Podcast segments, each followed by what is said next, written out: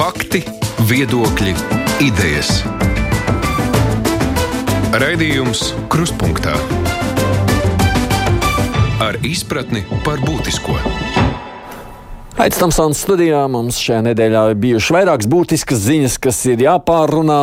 Jo, kā jau piekdienās krustpunktā žurnālisti komentē nedēļas notikumus. Nu, daļa no tiem saistīti arī ar ārpus Latvijas notiekošo. Tātad Krievijas okupētajos Ukraiņas apgabalos šodien ir sākušies pseido referendumi par pievienošanos Krievijai. Krievijas prezidents, kā zināms, izsludinājis arī Krievijā. Mobilizācija faktiski draudot pat ar kodolieročiem. Aktuāls ir jautājums, kā pasaules visu to reaģē. Bet nu, ir arī pašmājās šādi jaunumi tiek meklēti veidi, kā taupīt energoresursus. Kā dzirdam, tad šo ziemu daudz dzīvokļu namos un oficiālos būs vēsāks. Gatavojamies nākamajam streikam, šoreiz mediķu streikam. Jā, par to tad citiem tematiem arī runāsim. Kopā ar mani studijā kolēģis Mārcis Zanders. Sveiks! Sveiki! Uh, Latvijas raidījuma pētnieciskā žurnālistikas daļas vadītājs Filips Rastovskis. Sveiki! Nu, un tad attālināti mums pievienojušies ir Rebaltika žurnāliste Vita Puriņa. Sveika! Sveiki! Un arī Pauls Rauceps no žurnāla ir. Sveiki! Kādu notikumu attīstību sagaidāt jūs tajā Krievijas pasludinātā kara sakarā? Pauli, sākam ar tevi. Nu, viņi ir pasludinājuši, kā viņi paši mēģina to pasniegt daļēji mobilizāciju. Patiesībā sakot, viņi mobilizēs tik, cik viņiem vajag. Tur nav nekā ne, augš, augšējā limits. Augšējais tas limits ir vienīgi tas, cik viņi var tajā sistēmā dabūt iekšā. Šobrīd, un tas, uh, Ko tas acīm redzot nozīmē, ir, ka pa spīti tam, ka visi rietumos saka, nu, redz, kā Krievijai iet slikti, Krievija zaudē un tā tālāk, Kremlis pats nebūtu tā nedomā, un viņi gatavojas ilgstošam karam. Jo, nu, spriežot pēc tā, kā šo soli vērtē dažādi ārzemju analītiķi, viņi, protams, visi saka, jā, nu, tā kvalitāte nebūs augsta, un viņas apmācīt nebūs iespējams tā ļoti labi, bet aizstāvībai viņi var noderēt. Un uh, tie karavīri, kur tagad ir atradušies frontē jau ilgāk nekā sešus mēnešus, kas tiek uzskatīts par tādu nu, robežu šķirtni, pēc kura vienkārši viņa efektivitāte ir tik ļoti samazinājusies, ka viņi vairs īsti nedara. Šim dienestam tos varēs rotēt, dot viņiem iespēju druskuļi atkopties, lai viņi atkal varētu tikt izmantot. Nu, Kremlis gatavojas uh, ilgstošam karam. Uh, viņi gatavojas tam, ka ziemā viņi noturēs esošās frontes līnijas, un tad pēc tam redzēs. Un, protams, viņi arī cer uz to, ka mēs neizturēsim rietumos uh, šos energoresursu cenu kāpumu, un kaut kādā brīdī tomēr nāksim un centīsimies nolūkties. Tā, nu, es domāju, tas ir tas galvenais, galvenais rezultāts, noteikti nu, tas galvenais mērķis šim visam. Un tur um, Nu, tas skaits, es, es saku, tas daļ, daļējā mobilizācija, tas ir viņu propagandas formulējums iekš, iekšējai lietošanai, lai cilvēki varbūt pārāk neuztrauktos. Bet, protams, neviens tam netic. Un, līdz ar to tas otrs efekts ir tas, cik lielā, nu, kas jāvēro, cik liela būs pretestība pašā Krievijā. Uh, Tikai viens precizējums tev vēl pirms es pāriem prasu. Tu redzi to ilgstošā karu kā aizsardzību, vai tomēr arī kā ilgstošu karu nu, ar masu iet iekšā tālāk Ukrainā? Nu, viņi jau, protams, centīsies uh, darīt tāpat, kā viņi darīja Severodonetskā un Lisičanskā uh, ar milzīgiem artilērijas, uh, tā, tā, milzīgu artilērijas bombardējumu, censties ieņemt teritorijas, bet nu, tas viņiem nu, kaut ko jau viņi tā iegūst, bet tas nav sevišķi efektīvi. Un, uh, tā, man liekas, tas, tas mērķis ir patiesībā sakot, tagad viņi centīsies ņemt uz izturību visus, uh, cerēt, ka uh, rietumu griba kaut kādā brīdī salūzīs, un tad viņi varēs paturēt to, ko viņi ir jau šobrīd iekarojuši. Kā tu redzi to tālāko māri? Kā ilgstoši karu.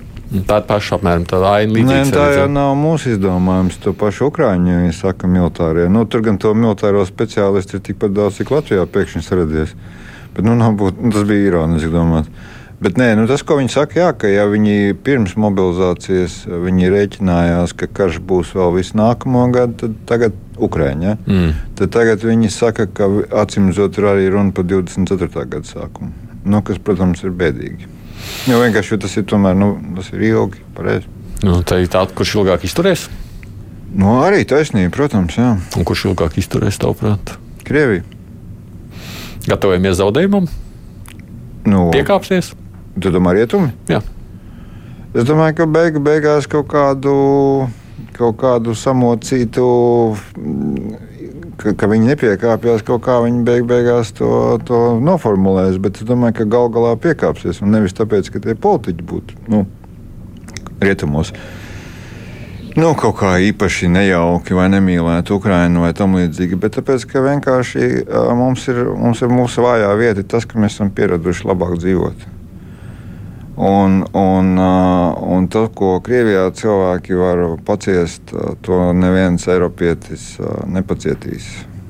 Un izdarīs spiedienu uz, uz saviem politiķiem, ka šis ir jābeidz un ka mēs tā neesam ar mieru.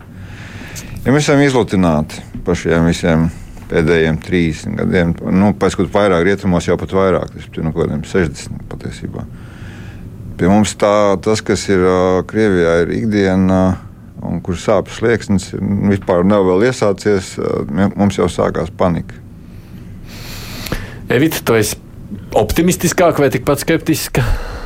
Nē, man grūti spriest, bet es domāju, ka tā viena pozitīvā lieta, kas ar šo tiešām ar to mobilizāciju ir, ka nu, varbūt, nu, kā Mārcis tikko teica, jā, Krievijas nācija droši vien ir ļoti pacietīga un citādi varbūt būvēta nekā mēs un, un, un Eiropieši citi. Bet, uh, Bet nu, tā pretestība kaut kādā mērā noteikti kļūs lielāka Krievijā. Nu, kaut kādā mērā, nezinu, cik lielā mērā. Ja viens ir vienkārši skatīties, nu, ko dara Putins un Kremlis, kamēr tevi tas neskar.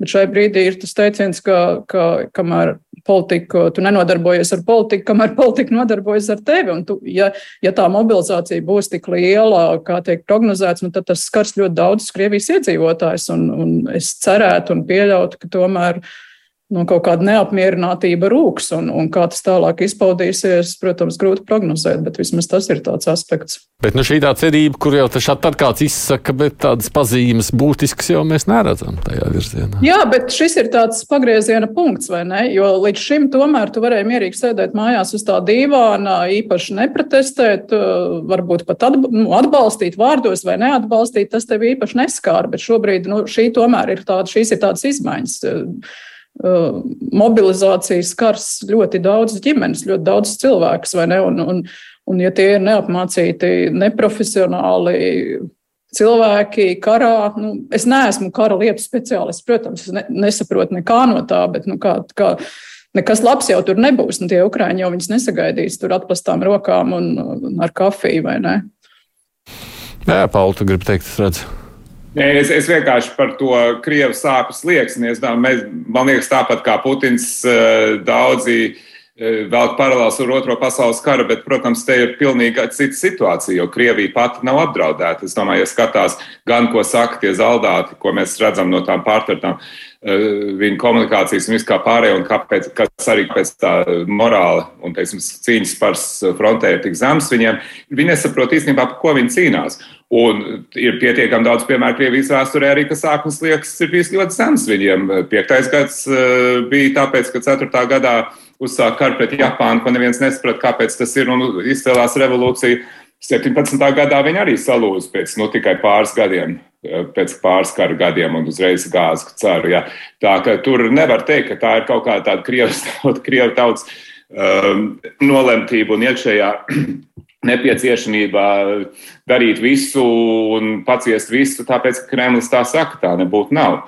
Uh, tā ka man liekas, ka te, tas, tas, tas jautājums, cik ilgi viņi varēs to izturēt, tas ir ļoti nopietns jautājums. Un arī no otras puses, skatoties uz rietumiem, nu, ir tāds tagad cirkulē pa Twitter teiciens, kas, manuprāt, ir ļoti pareizs, ka uh, autoritārie režīmi var būt ļoti agresīvi, bet viņi ir ļoti uh, nu, teikt, te, nu, tādi trausli savā ziņā. Tā kā nu, iz, izteiks liels spiediens pret viņiem, savukārt demokrātijas bieži vien lēni reaģē, bet var būt ļoti izturīgas. Un paskatāmies, nu, Es, domāju, es, es nedomāju, ka teiksim, ir kaut kur zvaigznēs rakstīts, ka demokrātijas, tāpēc, ka viņas ir labi dzīvojušas kādu laiku, tāpēc viņas arī sabruks. Nu, paskatieties, atkal, nu, teiksim, valkot vēsturiskas paralēlas. Lielbritānijā Eh, trīs, nu, tikai četrus vai piecus gadus pirms otrā pasaules kara Oksfordā pieņēma ar lielu balsu vairākumu eh, rezolūciju, ka mēs necīnīsimies par karali un par mūsu valsti. Un Lielbritānija viena pati izturēja visu karu un beig galās iznāca kā uzvarētāja. Tā, nu, tur, šeit, šeit nevar teikt, ka Lielbritānija tajā laikā bija viena no, nu, teiksim, labā, nu, teiksim, tur bija liela laba nozīme pretestība. Mm -hmm. Filip, tavs, tavs Nu, es neesmu tik optimistisks kā Pauls, jo mm -hmm. attiecībā par to Krievu-Japāņu kara konsekvencēm, jo tas tomēr prasīja 11 gadus, lai šī reakcija aizvest līdz tā revolūcijai, kur tas ir viens no iemesliem. Nevis tam īsti jau to 4. un 5. gadu nav tik liela ietekme kā vēlāk. 11 gadus vēlāk. Līdz ar to pateikt, cik ilgu laiku prasīs, lai kādas izmaiņas sabiedrībā būtu no šī kara. Mm. Nu, tā ja, Krievija-Japāņu karš mums rāda, ka tas var būt ļoti ilgi. Nē, bet tas, tas karš sākās 4. gadā un 5. gadā revolūcija pārņēma visu Krieviju. Tas bija, tas bija gads. Nu, viņš nav nu, labi. Jā. Beidzās ne ar ko. Nu, Kad, un, labi, bet par to ilgstošumu. Par to ilgstošumu man liekas, tas ir vienīgais, ko mēs šobrīd varam pateikt, ka tas paildzina to kārtā mobilizāciju. Jo mēs nezinām, vai tas ir uz labu vai sliktu. Tad, tur tie scenāriji ir visdažādākie. Ja mēs atceramies kara sākumu, tad uh, žurnālistu pētījumi liecināja, ka frontē mirušie proporcionāli lielākā skaitā bija minoritātes no Dagestānas, Burjatijas, etniskie reģioni. Un kādas konsekvences tas, piemēram, atstās tagad uz mobilizāciju? Kā viņi organizēs to mobilizāciju? Vai viņi diez vai viņi ir Krievijas uh, scenārijā, ir kaut kāda, es nezinu, uz līdzvērtības principiem, ka uz visiem cilvēkiem tas attiecās vienādi. Kāpēc viņi pēkšņi mainītu un tagad iesaukt vienlā, nu, vienlīdzīgi Maskavieti un Burjatu? Un kādas konsekvences var atstāt reģionu nemieros vai kaut kādās reakcijās, tas ir, tas ir viens jautājums. Otrs jautājums ir par to, ka mēs jau līdz šim esam redzējuši, ka tā elektronika un loģistika viņiem ir ārkārtīgi bijusi problemātiska Krievijas pusē, un kas ir nu, pierādām un, un faktoloģiski. Un tagad jauna, jauni cilvēki, kuriem jau tā trūkst tehnikas, kāda tā kombinācija un, un pārtiks, loģistikas un medicīnas aprūpe tur ir uh, tik ārkārtīgi daudz nu, iespēju paklupt, ka nu, tā tas ir risks, protams. Bet tas, ko arī Mārcis iepriekš minēja, ir, ka nu, tas uh, lielais pārspēks uh, nu, va, no varas puses Krievijā un no resursu, resursu un no slēpju, uh, sāpju sliekšņa puses ir nu, ievērojams. Tāpēc tas atkal liecina, ka varētu būt sarežģītāk. Cik tas jautājums, cik kvalitatīvi un gudri tagad tā nu, nu, nav nekāda īstenota tiek mobilizēta? Nu, tas, ka viņi būs kvalitīvi un gudri, man nav mazākās uh, ticības, ticības bet uh, var gadīties, ka paveicas. Vienkārši, ka ir kaut kādas kārtas izspēlējās, uh, nu, neorganizēti organizējot, tev tas pārspēks uz masu ir pārāk liels, ka tu izspēlējies labi. Mēģini ar masu paņemt. Ar masu. Jā, nu, redz, ņem, jāņem vērā, ka arī Krievijā nu, daudz trūkumu ir. Tas, ko nu, Filips teica par, par elektroniku, tas, tas, vispār, tas ir ļoti interesants jautājums. Bet kas no viņiem labi strādā, tas ir propagandas mašīna. Un propaganda ir baigā lieta. Tāpēc, ka tagad, nu, tagad mums ir vēlēšanas Itālijā. Ja, un, un, un, nu, Un patiesībā, ja mēs paskatāmies, mūsu līnija režīms arī uh, bija 20 plus gadi. Un kāpēc joprojām virkni itāļu uh, no tādām daļējas simpātijām izturās? Tāpēc, ka bija ļoti izcila, mūsu līnija bija izcila propagandas mašīna izveidota. Kā rezultātā, kā teikt, nu, mēs sēžam 22. gadā. Un saprotam, ka, ka vēlēšanās visticamāk uzvarēs partija, kas neslēpj savas fantāzi uh, fantāzijas. Ne, fantāzijas arī, jā, bet savas simpātijas. Ja? Jo, jo, jo tas tā ma mašinērija ir prasmīgi nostrādājusi. Un Krievijā, lai nu kas, bet smadzenes skalot viņi māca. Nu, jā, savukārt tie bagošie krievi, ko te pieminēja, mazliet jau tā Paklau, paša reakcija. Bet, bet, šita, nu, bet saprot, no. bet, bet šis man drusku uzvelk. Tāpēc, no, mēs, mēs kaut kā tā, nu, esam vizuāli, mēs esam vizuālo tēlu gūstekņi. Ja tu padomā, protams, ka bilde ar kaut kādu kaudzēm mašīnām, piemēram, tas ir iespaidīgi. Ja tu tā padomā, tur reāli tur ir pārsimts mašīnas, kas rada šo, šo fascinējošo ainu. Kas ir pārsimts mašīnas? Ja? Tāpat nu, šie, šie, šie klejojošie kadri no šīs lidostas. Ja. Nu, principā tur ir pārsimts cilvēki. Ko tas maina, ja mēs runājam par mobilizāciju uz, uz miljonu, piemēram? Ja. Nu, saprot, mēs, mēs, mēs ieraugām to bildi, ah, krievi bēg jau, jā, jā.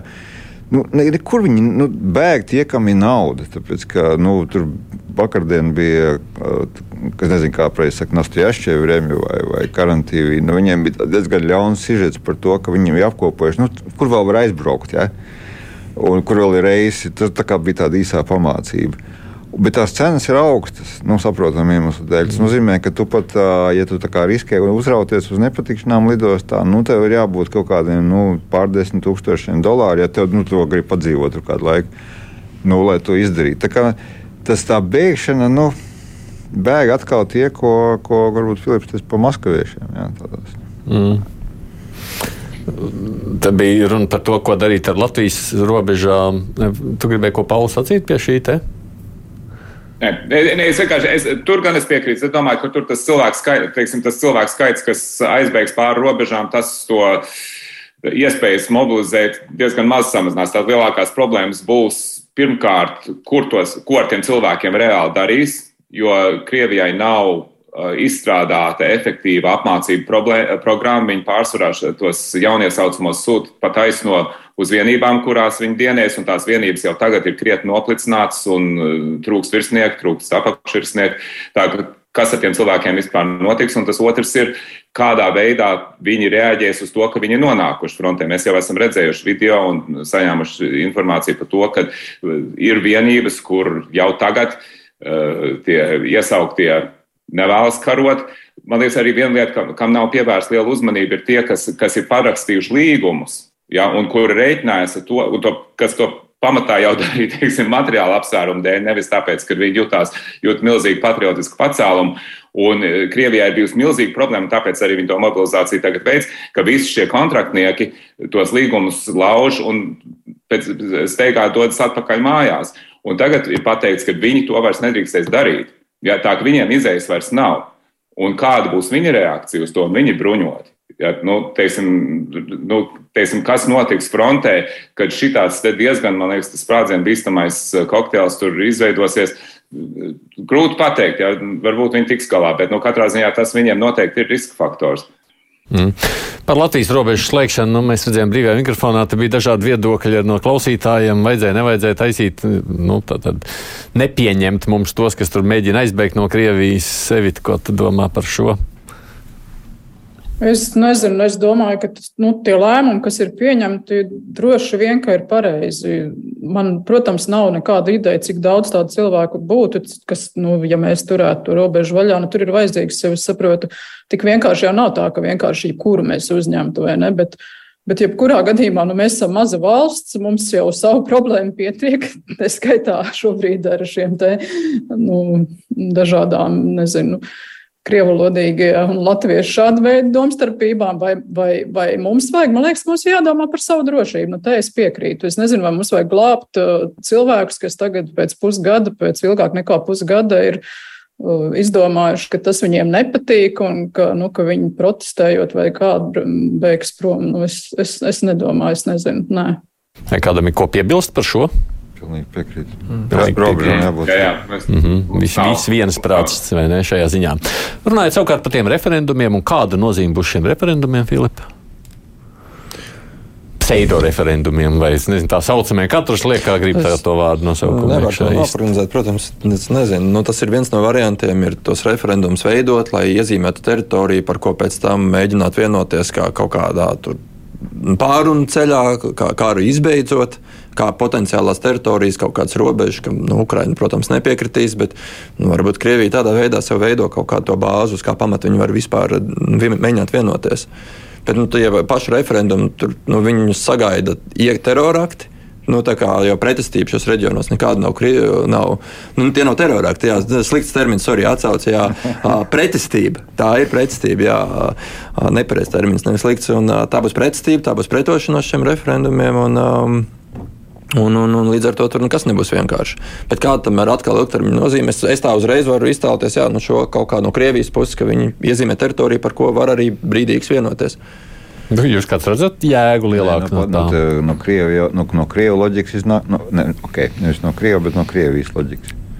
Iznāk tā, ka ja šīs teritorijas pievienojas uh, Krievijai, tad uh, Ukraiņi uzbrukumi ir uzbrukumi Krievijas teritorijai. Tā?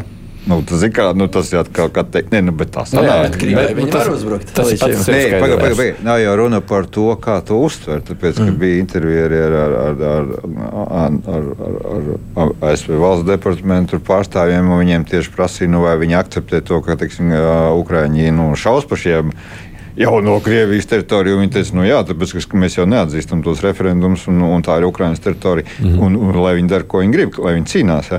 Tā kā nav, nav jau runa par to, ka, kā kurš uztver, bet no Krievijas viedokļa tā ir Krievijas teritorija, un tad atkal ir iemesls kaut ko tur vadzināt, kaut kādu, nu, kaut ko, vēl kaut ko. Jā, Pauli. Nu jā, bet eh, ņemam vērā, ka Ukraiņi jau ir šāvuši par pēdiņās Krievu uzskatā Krievijas teritoriju, respektīvi Krimu, vairāk kārt un veiksmīgi. Un, un uh, piespieduši Krievijas Melnās jūras floti atkāpties no Sevastopols, teiksim, pār, pārcelt, uh, cik var pēc ziņojumiem, gan zemūdens, gan arī kuģus uh, tālāk uz Novorossijsku, lai viņus pasargātu no šiem triecieniem. Ja Krievija meklētu iegānstu, teikt, ka lūk, kā Ukraiņi ir šito pārkāpuši visas robežas un sarkanās un teiksim, uzbrukuši mūsu teritorijai, viņiem, viņi jau to varētu darīt jau tagad.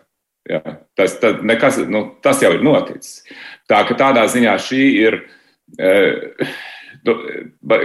Putins visu laiku cenšas iebiedēt rietumus ar, to, nu, ar šo, protams, ar kodolieročiem. Un, un visi zina, ka Krievijas doktrīnā ir teikts, ka uzbrukums Krievijai, ja būtiski draudi Krievijas teritoriālajai integritātei uh, ir viens no iemesliem, kāpēc viņi varētu šos kodolieročus izmantot. Un tad līdz ar to teiksim, šie referendumi ir vēl viens, man liekas, tā ir biedēšanas taktika. Lai panāktu, lai rietumi tur nu, mazāk atbalstītu Ukrainu aiz, aiz bailēm, ka Putins varētu likt lietā šos kodolieročus. Bet es saku, ja viņš to gribētu izdarīt, jau, jā, viņam jau tagad būtu iegans to izdarīt. Viņam nevajag šos jaunos referendumus, lai to izdarītu. Nu, jā, es, ne, es nestādzīju nevienā no jums tādu lielu loģiku, tajā bija jēga, viss tas nu, psiholoģisks iespējas, es nezinu, Evita. Nu, man liekas, ka, nu, es nezinu, no malas tā liekas, ka tas, tā Putina ideja ir lielāka viņa paša acīs nekā tas no malas, no pārējās pasaules šobrīd izskatās, jo viens bija nu, tas pseido referendums Krimā, kur tomēr viena daļa nu, gandrīz vai noticēja, ka tas ir referendums un sprieda, nu, Varbūt tas ir pamatots un loģisks, un, un redz, kā tur tomēr cilvēki balsoja. Tāpat, ja tas bija tur armijas klātbūtnē un tam līdzīgi. Bet šobrīd ir karš, šobrīd tā situācija ir tik ļoti vēl pavisam atšķirīga un citādāka. Nu, es nezinu, vai kāds ir gatavs kaut kā tos Putina argumentus nopirkt. Nu, man liekas, ka viņš to realitāti šeit īsti nejūt. Un, Un tas, ko viņš domā, ļoti atšķirās no tā. Nu, tieši attiecībā uz šiem referendumiem ir kaut kas pilnīgi cits pasaules acīs. Kādu rietumu reakciju vai jūs sagaidāt? No Šobrīd ir. Es saprotu, ka NATO ministri jau vienkārši pārspē, rīko, rīko kaut kādu pārspriedi, kā uz šo reaģēt, bet nu, pa lielam jau nekas iespējams, ka mobilizēs kaut kādu vēl vienu atbalsta paku, otru atbalsta paku, bet nekas cits jau īsti nav iespējams. Nu, skubināt šīs ieroču piegādes, palielināt varbūt kaut kādu sūtījumu, bet citu instrumentu jau īsti šobrīd nav. Tur zina, kāda par, par podaļāks uz, uzvalkās, ka viņam šito prasa. Tāpēc, ka, nu, viņš ka pa daudz pievērš uzmanību šiem pseido re, no referendumiem.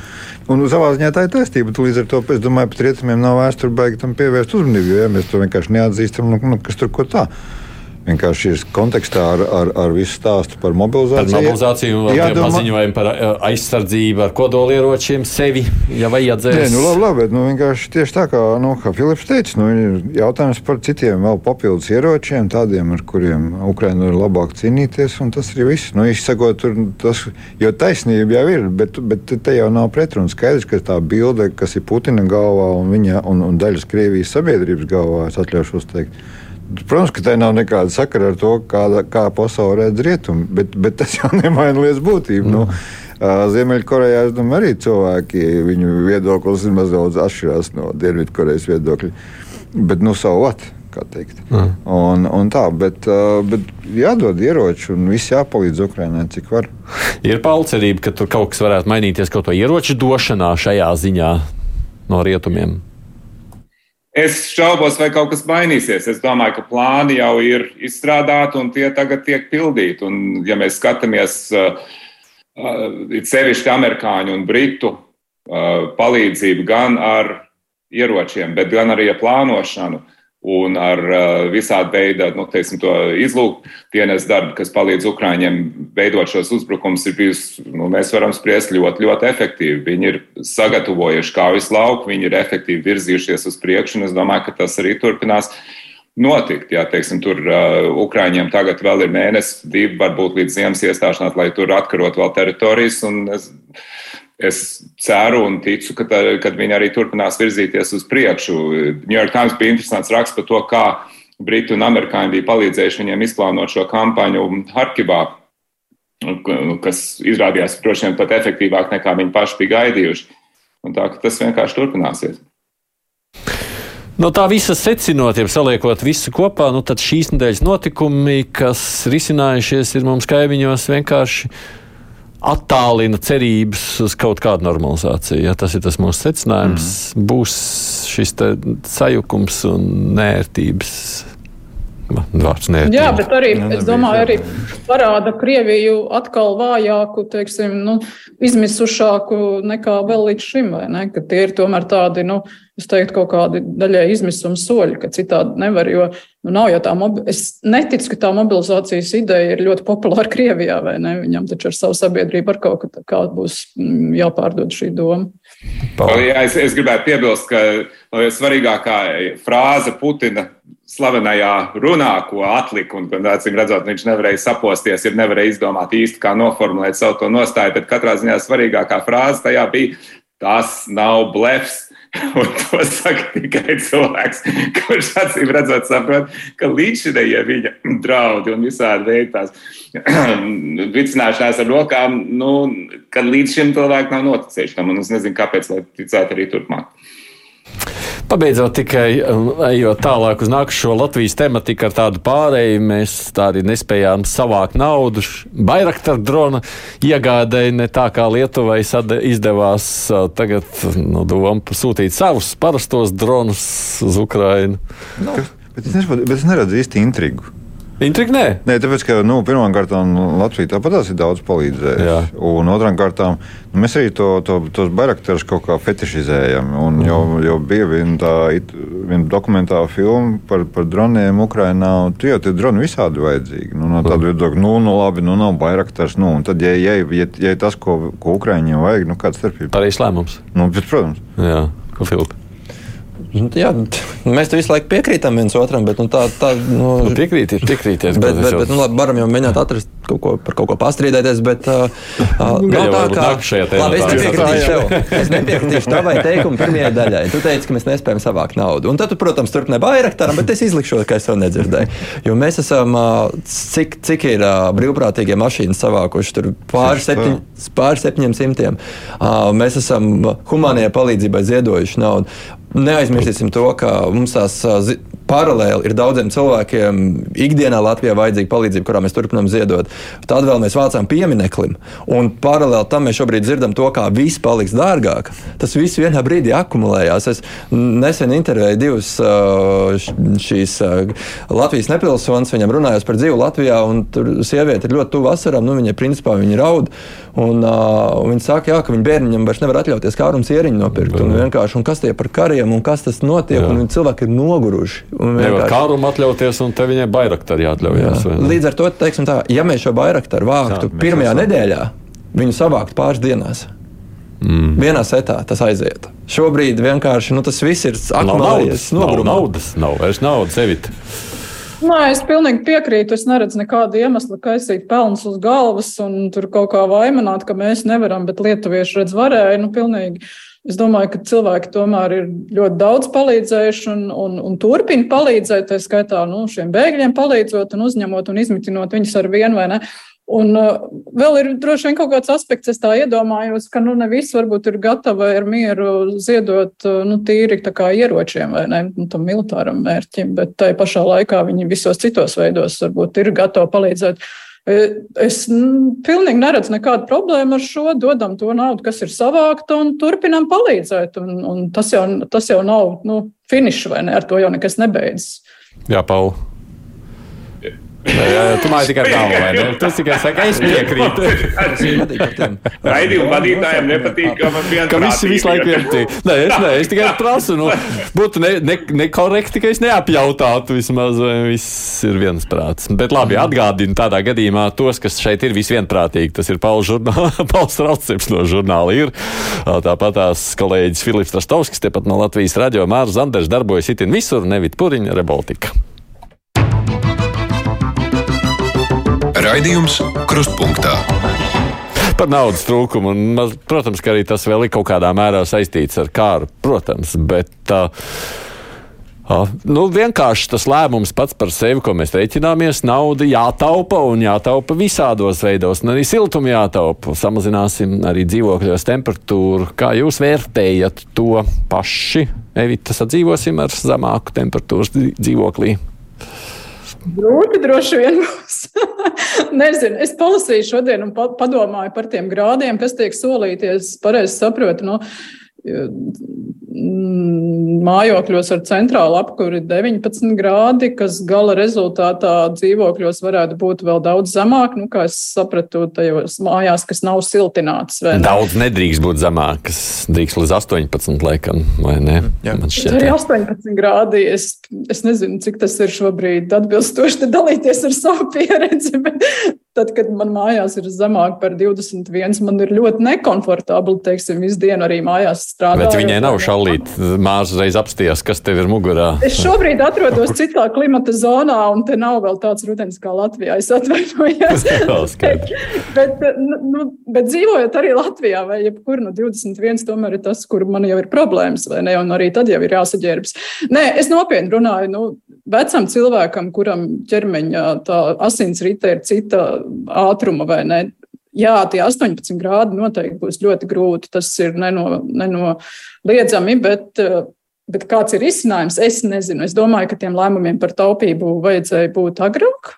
Taupīt ne tikai dzīvokļos un ne tikai ar siltumu, bet arī dažādos citos veidos, mācīt cilvēkiem, kā viņi paši var taupīt un siltināt tās mājas beidzot. Nu, es, es, es nezinu. Nu, šobrīd, protams, jau par vēlu jā, jā, jādara tas kas, tas, kas. Protams, cilvēki droši vien arī izmantos ļoti daudz elektriskos sildītājus. Es neticu, ka nu, tiem, kuriem kaut kāda nauda būs uh, palikusi pēc rēķina apmaksas un kas nevarēs tos grādus izturēt, nu, viņi sildīsies tāpat vai ne. Cik daudz nevarēs, to mēs redzēsim, diemžēl. Elektrība gan ir ļoti dārga. Redz, Pauls ir uzvilcis biezāku jaciņu. Viņam viņš gatavojas jau. Mana apkure vēl nav ieslēgta. nav bijusi ieslēgta vēl šogad vispār. Pauli, pareizs lēmums valdības. Nē, nu, ko es varu teikt? Jā, es Es baidos, ka mums nesanāks atkal tāda vienprātība. Es teiktu, lūdzu, lūdzu, lūdzu. Nu, taupīt, ir, taupīt ir jātaup. Nu, tur tas ir skaidrs, un cilvēkiem arī tie rēķini būs lieli, un līdz ar to, teiksim, jebkurš uh, veids, kā viņus samazināt, ir jāizmanto. Nu, es, man, Man tā grūti, es nezinu, man nav tāda intuitīva sajūta par to, ko nozīmē dzīvot dzīvoklī ar 18 grādiem, cik tas būs smagi. Vai, vai, A, tu nekad neesi tādā dzīvojis, ja? Tā, tā, tā, man, es, man, tā, man šobrīd vēl, tā kā es to faktiski izjutīšu. man jāsaka, es esmu, no, es vienmēr esmu īrējis dzīvoklis. Jo, jo, šobrīd, jo šobrīd man liekas, man, man ir aizdoms, ka man dzīvoklī ir mazāk grādi par 18, ņemot vērā, ka apkur vēl nav ieslēgta un ārā ir. Nu, tev, tev termometrs nav, tu nevari apskatīties. Lūdzu? Tu termometru nelieto? Zin, teiksim, tas, tas, jā, nu nav man termometrs mājās. Tas, tas, tas tik labi, jā. Ko tu gribēji teikt? Nē, es gribēju teikt tikai to, ka nu, es vienmēr esmu īrētos dzīvokļos dzīvojis, un man ir bijušas ziemas, kad ir bijis 16, 15 grādi. Un, principā, nu, nav Saimnie, saimnieks tev atsaka siltāku dzīvokli? Nē, nu, tur ir tas, ko, ko pieminēja, ka slikta siltināšana un šitie uh -huh. stāsti. Nu, nav nekas tik briesmīgs. Nu, protams, ir slikti gan tas, ka bija pieminētais nu, vecāku cilvēku, gan, protams, arī bērni. Bet, uh, pieaugušam cilvēkam 17, 18 grādi tas ir vienkārši ļoti labi. Un, uh, un, un es domāju, tā nav problēma. Cita lieta, kas drusku dara bažīgas, ir, uh, ir nu, Un tas ir jautājums, vai par to teiksim, valdība ir tā kā lai nebūtu vienprātīga. Vai, vai tas ir, vai tas ir pietiekoši, vai ir pietiekoši par to padomāts? Nu, piemēram, ko darīs zooloģiskais dārzs? Ko darīs muzeja krātuves? Nu, ko darīs, teiksim, nu, kā jau pasaka, institūti, kuros ir vīrusi un, un tam līdzīgi, ar kuriem nevar sarunāt, ka mēs te drusku pagriezīsim temperatūru. Nu, gan jau viņiem tur taču kaut kāda izņēmuma nav. Tas nē, nu, es tikai, nē, nu, bet redzi, mēs minam, un, un es, nu kā, es kaut kādu savu lauku zinu. Nu, es zinu, ka ir kaut kādas muzeja krātuves, kas no nākamnedēļ sāk sam eksperimentēt, samazinot temperatūru lai pēc tam viņi ir uzlikuši, tātad viņi ir uzlikuši raidītājs, ne, bet uh, detektors, un viņi skatīsies, vai palielinās mitrums krātuvē vai nepalielinās rezultātā. Mm -hmm. Uh, bet patiesībā virkne, virkne šādu iestāžu uh, ir, un, un, un institūciju. Nu, tā, man ir tāda intuitīva sajūta, ka drusku ir pamests, nu, ne tā kā pamests, bet nosaucās, nu, nu, nu, karogs jums rokās un nu, skatieties, domājiet, kā jūs varat tikt cauri. Uh, Un te ir tā problēma, ka nu, viena lieta ir pieaugušam cilvēkam, es vēlreiz uzstāju, teiksim, 18 gadu, piemēram, ir pilnīgi normāla temperatūra. Savukārt, nu, es negribētu, lai pēc, lai pēc apkurses sezonas, ne, neapkurses sezonas beigām mēs iznākam, kā teikt, pazaudējuši kaut mm. kādas kultūras vērtības tikai tāpēc, ka. Nu, Da, droši vien tropa māja paliks. Nu, viņa jau nevar tropa māja. Nu, vai nu ir nu, tropa? Tie, vai tur nav tropa? Nu, tieši tā, jā. Neko neizdarīs. Nu, jā, tu, ne? tu krokodilam nepierunās dzīvot ar, ar zemāku temperatūru. Nu, viņš varētu apvainoties. Līdz ar to es domāju, ka tas novēlots ir, ir kaut kādā agrāk. Tiešām vajadzēja sākt par to visu domāt, jo tagad ir nu, tā, ka ir sajūta, ka ir virkni tādas uh, institūcijas, kas drusku ir kā, nu, improvizē. Zini, kā labo, labo lidmašīnu lidojuma laikā, ja, un, un tas ir drusku tā trauksmēni. No otras puses, es jau tā kā gribētu, ka ne jau Kariņš visu laiku domā, ko darīt ar tropu māju, bet nu, mēs katrs pats meklējam, ko darīt ar taupīšanu. Nu, tā man labi, tā ir tikai mana replika. Nē, nu, piemēram, jautājums, Pagaid, ko pašvaldības darīs vai ne? Ko pašvaldībām taču ir iespējas taupīt lielā mērā. Es domāju, nu, cik mēs esam dzirdējuši par tiem daudziem baseiniem, kas Latvijā sabūvēti, nu, cik, cik strādās tie baseini ziemas rudens periodā. Ļoti energo, energo ietilpīgs pasākums, vai ne? Jā, jā nu, tas jau daudz. Pašvaldībām ir arī iespēja tomēr. Jā. Nu, manā gadījumā, pieņemsim, manā ielā deg katra otrā lampa. Es to jau redzu jau kad mēnesi. Nu, man liekas, ka tā doma ir pareiza, protams, un par to mēs, to mēs varētu piekrist. Par to, ka jāmeklē, kā, kā ietaupīt, un tā cena ir nu, smieklīgi patiesībā par to, vai neko Ukrainā cilvēki piedzīvo. Bet izpildījums raisa vairākus jautājumus ko es teiksim, tā labi, es neesmu energoefektivitātes superspeciālists, bet ja tu vienkārši pasties kā cilvēks, kurš pats dzīvo mājā, dzīvokļu namā, tad ir skaidrs, ka tā temperatūra nebūs tikai 18 grādi. Nu, es arī dzīvoju daudzos īrētos dzīvokļos, un slikti siltinātos dzīvokļos tā temperatūra būs zemāka. Un nav teikts, ka tikai 17. Jo, kā, jo kas vienkārši klausītāji, lai apmēram vizualizē, nu, tev ir teiksim, 9 stāvi, un tur iet trūka, kurā iet karstais ūdens augšā vai arī lejā. Tur nav skaidrs, kurā, nu, ka nav, nav skaidrs, bet kā kurā gadījumā. Un kamēr uziet līdz augšai, viņš jau ir padzis. Un tas cilvēks, kurš dzīvos vai nu apakšā vai augšā, viņam vienkārši būs sliktāk nekā uh, kaut kur vidū. Ļoti iespējams. Tāpēc, ka cilvēki bieži pašdarbojās, paši izdomā lietas ar radiatoriem. Un, mm. Piemēram, savā dzīvoklī uztaisīja savu sistēmu, kas ietekmē kopējo sistēmu. Viņam būs vienmēr 21. Un, jā, un tam apakšējam, jā, diemžēl tā, tā Latvijā ir problēma. Dara. Tā nevar. Tā, nedrīkst, tā, tā, dara, tā ir viena pro, tā ir problēma, un tāpēc es šo neredzu. Kā, es skatījos tos noteikumus, grozījumus, un es neredzu, kā tur kaut kas ir. Domāt šajā virzienā. Un otra lieta īstenībā ir ļoti interesanta. Mēs tagad nepieminējām, bet otra grozījums skar karstu ūdeni. Mm. Un tur ir līdz šim jābūt vismaz 55 grādiem. Tagad varēs būt zemāka, nav pateikts cik zemāka, ar nosacījumu, ka tiek ievērot tie nosacījumi, lai tā baktērija legionēra, kā viņa saucās, tur neizplatās. Un, un to organizējas pārvaldnieki, nu, no tiem noteikumiem skatoties. Un pārvaldnieks tā tad, viņš var to scenāriju uzbūvēt visvisādu. Pār, mājas vai ne, pārvaldnieks. Un tur var pa naktīm laist zemāku temperatūru, var ar kaut kādiem starposmiem palaist atkal karstāku, lai tur izietu. Lai, lai, lai, tur, tur ir svarīgi nu, noteikti tā regulāritāte uzlaist tos 55 grādus labi, bet visu laiku jā, nav jātur obligāti. Mēs ļoti labi zinām, ka tā pārvaldnieki ir ļoti dažādi. Līdz ar to, kā un, no, un kāds ir cilvēks spējis sadarboties daudz dzīvokļu mājā, vispār runāt ar to pārvaldnieku, nesastrīdēties, nepiekaut vienam otru, nu, nerunāt sliktus vārdus. Un tur būs pamatīgas scēnas, manuprāt, mm. kas ir pārbaudītas. Bet, bet atkal, es tikai gribu uzsvērt, ka tas ir, tā cena ir smieklīga, ja mēs salīdzinām ar to, kas notiek Ukrajinā, tāpēc nu, mums tas ir jādara. Es būtu, es būtu vienkārši būt, bijis priecīgāks, ja es redzētu skaidrāk kaut kādu formulējumu, nu, kaut vai par to par tām pašām mājām, kur skaidrs, ka cietīs cilvēki vairāk nekā citur. Ja par viedokļu dažādību, tad manas klausītājiem ir divi dažādi viedokļi. Viens domā, ka 19 grādos ir labāks miegs un veselība, otrs saka, ka viņam 19 grādos sāk sabojāties veselība. Tā kā katram redzīs savs. Te es varu dabūt viedokļu dažādību. Vienīgais par šo vēl runājot, tā no ģenerāla sekretārs sacīs, ka viņš paredz, ka šī vispār būs protestu pilna ziema pasaulē. Latvijā arī? Nu, cilvēki jau protestē pret jebko.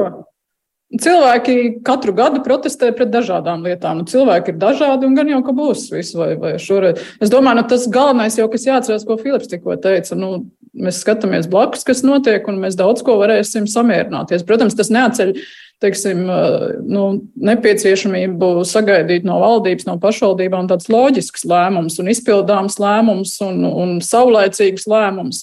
Bet es domāju, ka mēs šodien, protams, ka būsim spiesti pieņemt daudz vairāk nekā visus iepriekšējos gadus.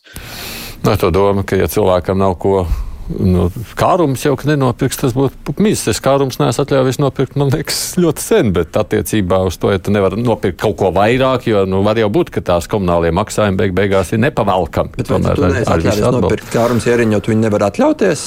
Vai tu no, nu, domā tomēr, par ko? Nē, nu, tāpēc, ka es rēķinos, es apstos ārpā 43 centi, un man jau tik daudz naudas nav, lai es tur kārums ieriņiem ēst. Nu, pieņemsim, nu, nu, tad piedod, es tā no savas puses paskatos nu, un nepērku viņus. Jā, jā. vēl dārgāk. Nu, es jā. jau neskatos senus cenu tajā laikā. Bet ne, ne par to ir runa. Tādā ziņā sakot, vai tie protesti arī Latvijā būs? Es domāju, ka rietumos vairāk. Rietumos vairāk. Nu, tāpēc, ka vēlreiz, nu, tas ir tas, ko dažkārt pamatoti norāda, ka pēc Baltijas un Polija nu, labāk saprot Ukraiņu, tāpēc ka mēs esam tuvāk Krievijai. Līdz ar to mēs tas, ko šeit jau izskanēja, it kā šo cenu. Es gan atklāti sakot, neesmu tik augstās domās par cilvēku prāta spējām, ka viņš spēj salikt kopā to cenu un, un, un ko maksā Ukrāņi un ko mēs maksāsim. Bet, jebkurā gadījumā, tā kā mēs esam tuvāk tam, tad es domāju, ka, ka mēs labāk šo kopsakarību saprotam.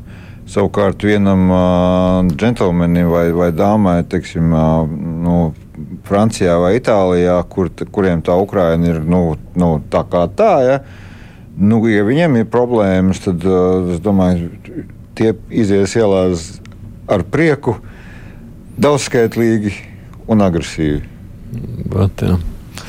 Nu, par protestiem runājot, vienīgais, kas te mums tādā protestē šobrīd, ir mediķi. Viņiem nākošais nedēļa būs. Pavilkās. Pavilkās, jau tas saka. Es, es teicu, ka bija pavilkās. Jo... Ko, paskatījās, ka skolotājiem izdevās. Nu, tieši tā, tas man tā cīniski izklausās, bet, bet arī, manuprāt, diemžēl šajā cenas diskusijas izpratnē mediķi ir bišķiņi cīniski rīkojušies. Paši nu, nevis mediķi, bet šīs pārstāvošās organizācijas. Mediķi, ne, mediķi dara savu darbu, respektu, bet par tām organizācijām jau viņi pēdējos gados, pēdējos gados tomēr piecos, četros ir saņēmuši ievērojumu uzlabojumus atalgojumu sistēmā, atšķirībā ar to, kas ir līdzvērtīgās pozīcijās noticis ar skolotājiem. Un tikai tāpēc, ka skolotāji ok, tagad izcīnīja kaut ko, un arī tur ir diskusijas skolotāji, nu, ka viņiem nebūtu tagad pēkšņi nav labi. Uh, tāpēc mēs nu, tagad tur kaut kāds līdz... simts beidzot izskatās varētu sanākt. Nu, es tā runāju par papīra algu, par to, par to viņu. Jā, turpin, nu, turpin. Pirms, mēs nemaz nerunāsim par pirmsskolotājiem. Es nesen runāju ar, jā, bet audzinātāji, nu, tie, kas ir auklītes, viņiem tur ir ļoti zemes algas. Jā, tā kā tas kopumā vis ir, visiem ir sarežģīti. Un tagad, ok, mediķiem sanāca un uz tā, uz tā viļņa mēģināt tur iet pakaļ. Protams, es šo organizāciju vietā ir jāizstāv savu nozari, saprotam, bet teiksim, man nav pārmetumu un valsts pusē ja es redzētu, ka tas atbalsts nesakos tāds, kā viņi šobrīd prasa. Pret skolotājiem man bija tāda automātiski citādāka sajūta, jo viņam ilgāku laiku nav bijuši ievērojami šī atbalsta mehānismi, atšķirībā no mediķiem. Un, un, ja mēs runājam par saliedētu, teiksim, solidāru sabiedrību, tad tu nevari, teiksim, tā močīt, es atvainojos par valodu, bet visu, katru gadu par to, ka uh, ir nepieciešams vairāk neskatoties uz to, kas kopumā notiek valstī. Citu domas? Nē, man, ne, man patīk, ka Filips, nu, iespējams, izriet no, no viņa vecuma, ka viņš joprojām ir. Viņš lieto jēdzienu saliedēta sabiedrība un solidaritāte. Tas, esmu šis, ideālists, es tev šis pasākums ir jau beidzies jau krietni laiku atpakaļ, un līdz ar to vienkārši to nav vērts retoriski piesaukt. Tas ir katrs par sevi. Protams. Bet ir jāatgādina viņiem, nu, tā kā ja viņi cīniski rīkojas, tad jāpasaka, jūs rīkojaties cīniski. Pagaidiet, tas bija lietām. tur viss jaucās iekšā, arī jau. Jā. Ja, ja, es- ja es drīkstu teikt, es, es, man izbrīna nedaudz māra nostāja tādā ziņā, ka es nezinu, kurā brīdī tas, tā solidārā sabiedrība bija sākusies. Padomju laikā bija solidāra sabiedrība. Es uzskatu, ka tā bija tāda sociāli taisnīga sabiedrība. Mājā jau galva tagad, jā. saņēma. Tagad, tagad drīzāk būtu jāsaka, kad mēs beidzot sāksim to ieviest. Un es priecājos, teiksim, nu, eh, vecais Zandars te tā nīgri pa- pavīrsnā pa jauno Lastovsku, pa viņš, ka viņš runā par solidāro sabiedrību. Es priecājos, ka par to es beidzot sāku runāt un ka mēs vajadzētu virzīties tajā virzienā. Jā, jā. Nu, pārāk nīgri. Nē, nē, nē, es piekrītu, ka. Nu, Man liekas, atklāts, man drusku iebildumi pret jēdzienu solidāru sabiedrību vispār, tāpēc, ka tas drusku velk uz uh, kaut kādu atvasinājumu no totalitāras sabiedrības. Uh, nu, tā No, no, no, no, Bet es piekrītu no, tam, ka, no, protams, ka ok, skaidrs, nu, padomu laikā, nu, tas kāda solidaritāte. Protams, jā, nu, tur tā kā tādā Jā, ziņā. Evita, jā. Zviedrija, Zviedrija un Dānija, nu tās nu gan ir tādas staļiniskas. A, tur tās ir Kas, okay. kas tur atvainojas solidārs ir Ko, konkrēti? nē, nu kas tur solidārs? Vi- Viņiem ir eh, pirmkārt, kā mēs zinām, ļoti attīstīta sociālās labklājības eh, nodrošināšanas, teiksim, tie, visi tie tīkli cilvēkiem, lai cilvēki, kuri izkrīt no kopējās tās dzīves dažādu iemeslu dēļ, no eh, dzīves traumas vai nu veselības vai kaut kāda cita iemesla dēļ, viņi tiek atbalstīti. Viņi ļoti arī atbalsta ģimenes ar bērniem. Eh, Nu, man, man liekas, ka teiksim, tur ir arī cilvēku līdzdalība sabiedrības dzīvē ir ļoti augsta un teiksim, tā savstarpējā sabie, palīdzība tādā ziņā, nu, tās, tās ir solidāras sabiedrības tādā ziņā. Nav grūti būt solidāram, ja tev ir daudz naudas. Tas, ka teiksim, sabiedrībās, varu, kuras vai- pārtikušāks par mums, Nu, jā, jā, jā. tā, tā. šito Labi, jūs ir sastrīdējāties, un. Evita mēģina ielausties. Es tā, ka tas sākās, Ja sākās Zviedrijā. Viņu eh, labklājības līmenis droši vien bija absolūtā ziņā apmēram tāds, kāds mums ir tagad, ja mēs tā, tā, tā, tā salīdzinām. Tā, ka tas, tas naudas, tas nav, tā naudas izteiksme arī nav varbūt tas bū- būtiskākais. Evita, turpini. Es gribēju tikai mazliet atgriezties pie mediķiem. Es domāju, nu, tas, ko Filips teica, uh, nav jau visi mediķi. Nav, tie, tie nav visi mediķi, kas to prasa vienlīdz uh, skaļā balsī šobrīd, atšķirībā no skolotājiem, kur tā centrālā bija viena organizācija, arotbiedrība, diezgan tāda politizēta tomēr, un, un tas valdībai šoreiz nāca par sliktu, es domāju. Un mediķiem jau tās organizācijas ir, da, ir dažādas, vairākas. Un, un ir viena šī arotbiedrība, Kera vadīta arotbiedrība, kur ļoti intensīvi un jau gadu gadiem nepārtraukti kritizē jebko. Es varbūt pārspīlēju gandrīz jebko, ko valdība dara. Nu, ir tādā ļoti asā opozīcijā, un, un tie ir tie, kas arī šobrīd to streika un to protestu ideju vada. Es saprotu, ka pieteikušies ir 300 cilvēki aptuveni, kas protestēs, tas nav ļoti daudz. Nevajadzētu visus mest pār vienu kārtu, teiksim tā. Nu, tur ir arī citas organizācijas, kas ir vairāk arī uz dialogu vērstas un tam līdzīgi. Un, bet tas savukārt par Zviedriju un, un, un šīm valstīm runājot, nu, man liekas, ka tā diskusija šobrīd daudz vairāk, īpaši pirms vēlēšanām un arī pēc tam vajadzētu būt. Tā, tas mūsu nenormāli lielais ēnu ekonomikas īpatsvars. Vajag skolotājiem, vajag mediķiem, vajag zinātnē, izglītībai, visiem vajag, bet mēs tos nodokļus neiekasējam. Un kā mēs varam to ieņēmumu daļu tomēr palielināt, ēnu ekonomiku mazināt, nu, lai būtu ko tiem mediķiem maksāt, vai ne? Jo šobrīd jau mēs tur varam skaitīt, cik tur miljonus, tur miljonus, tur nav jau īsti, kur viņus ņemt. Mm, nē.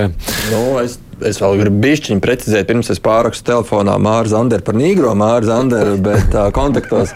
Bet, uh, nu, man liekas, ka šeit tomēr tā diskusija par to solidari, ir, solidaritāti un saliedētību diezgan konkrēti ir šajā cenas jautājuma virzienā par to, ko mēs esam kā valsts, cik tērējam, kāpēc mēs varam atļauties, cik varam un kas notiek paralēli stāvā un Ukrainā.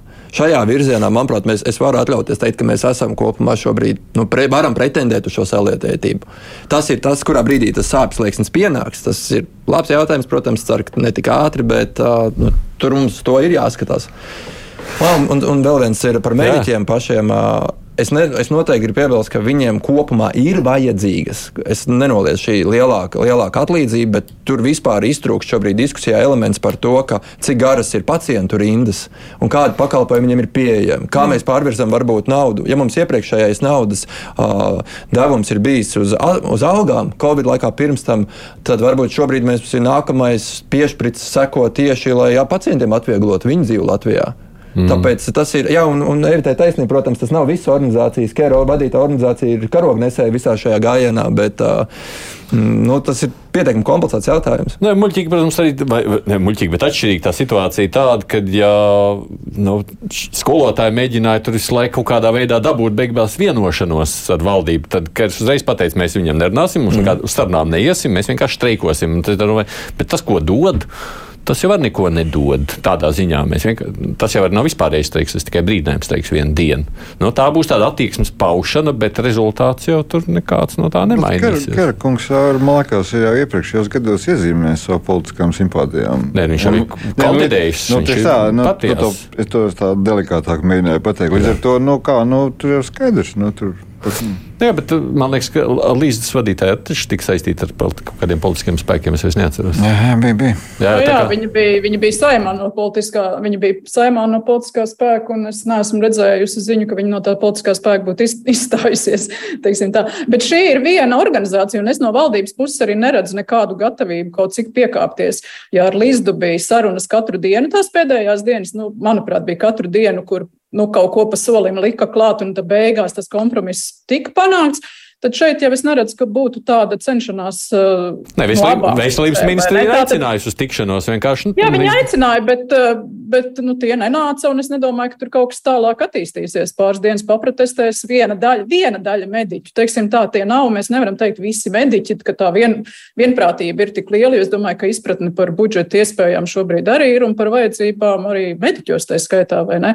Tā kā es nedomāju, ka, šu, ka šis kaut kādā veidā turpināsies. Es, es neredzu, jā. Nu, jāpiebilst, jau arī tā, tad vispirms tas ir vienas dienas brīdinājums streiks, lai klausītājiem saprastu, par ko ir runa. Otrakārt, arī šajā brīdinājuma streikā visi mediķi nemaz nedrīkstēja un nepiedalās. Tur ir noteikts mediķu kategorijas, kuras vispār drīkst un grasījās Arī, arī tā, bija iepriekšējais streiks vasarā, man liekas, jā, tad arī jau viss nepiedalījās. Tas tā precizējot, nu labi, skatāmies nākošo nedēļu, kas no tā visa būs sanācis. Galu galā tas ir priekšvēlēšana laiks, un atceramies, nākamā nedēļa ir pēdējā nedēļa pirms vēlēšanām. Paldies jums, kolēģi! Rebaltika žurnālisti Evita Puriņa saprata, ka neesmu Latvijā no tiem komentāriem, ko sacīja. Savukārt kolēģis Pauls Rauceps ir laikam Latvijā, skatoties uz ir. un tad mums ir Mārs Zanders un Filips. Laštauskas, kas vēl darbojas Latvijas raidījā pētnieciskā žurnālistikas nodaļā. Producents tev Junāms, tad bija es Aidis Tomsons.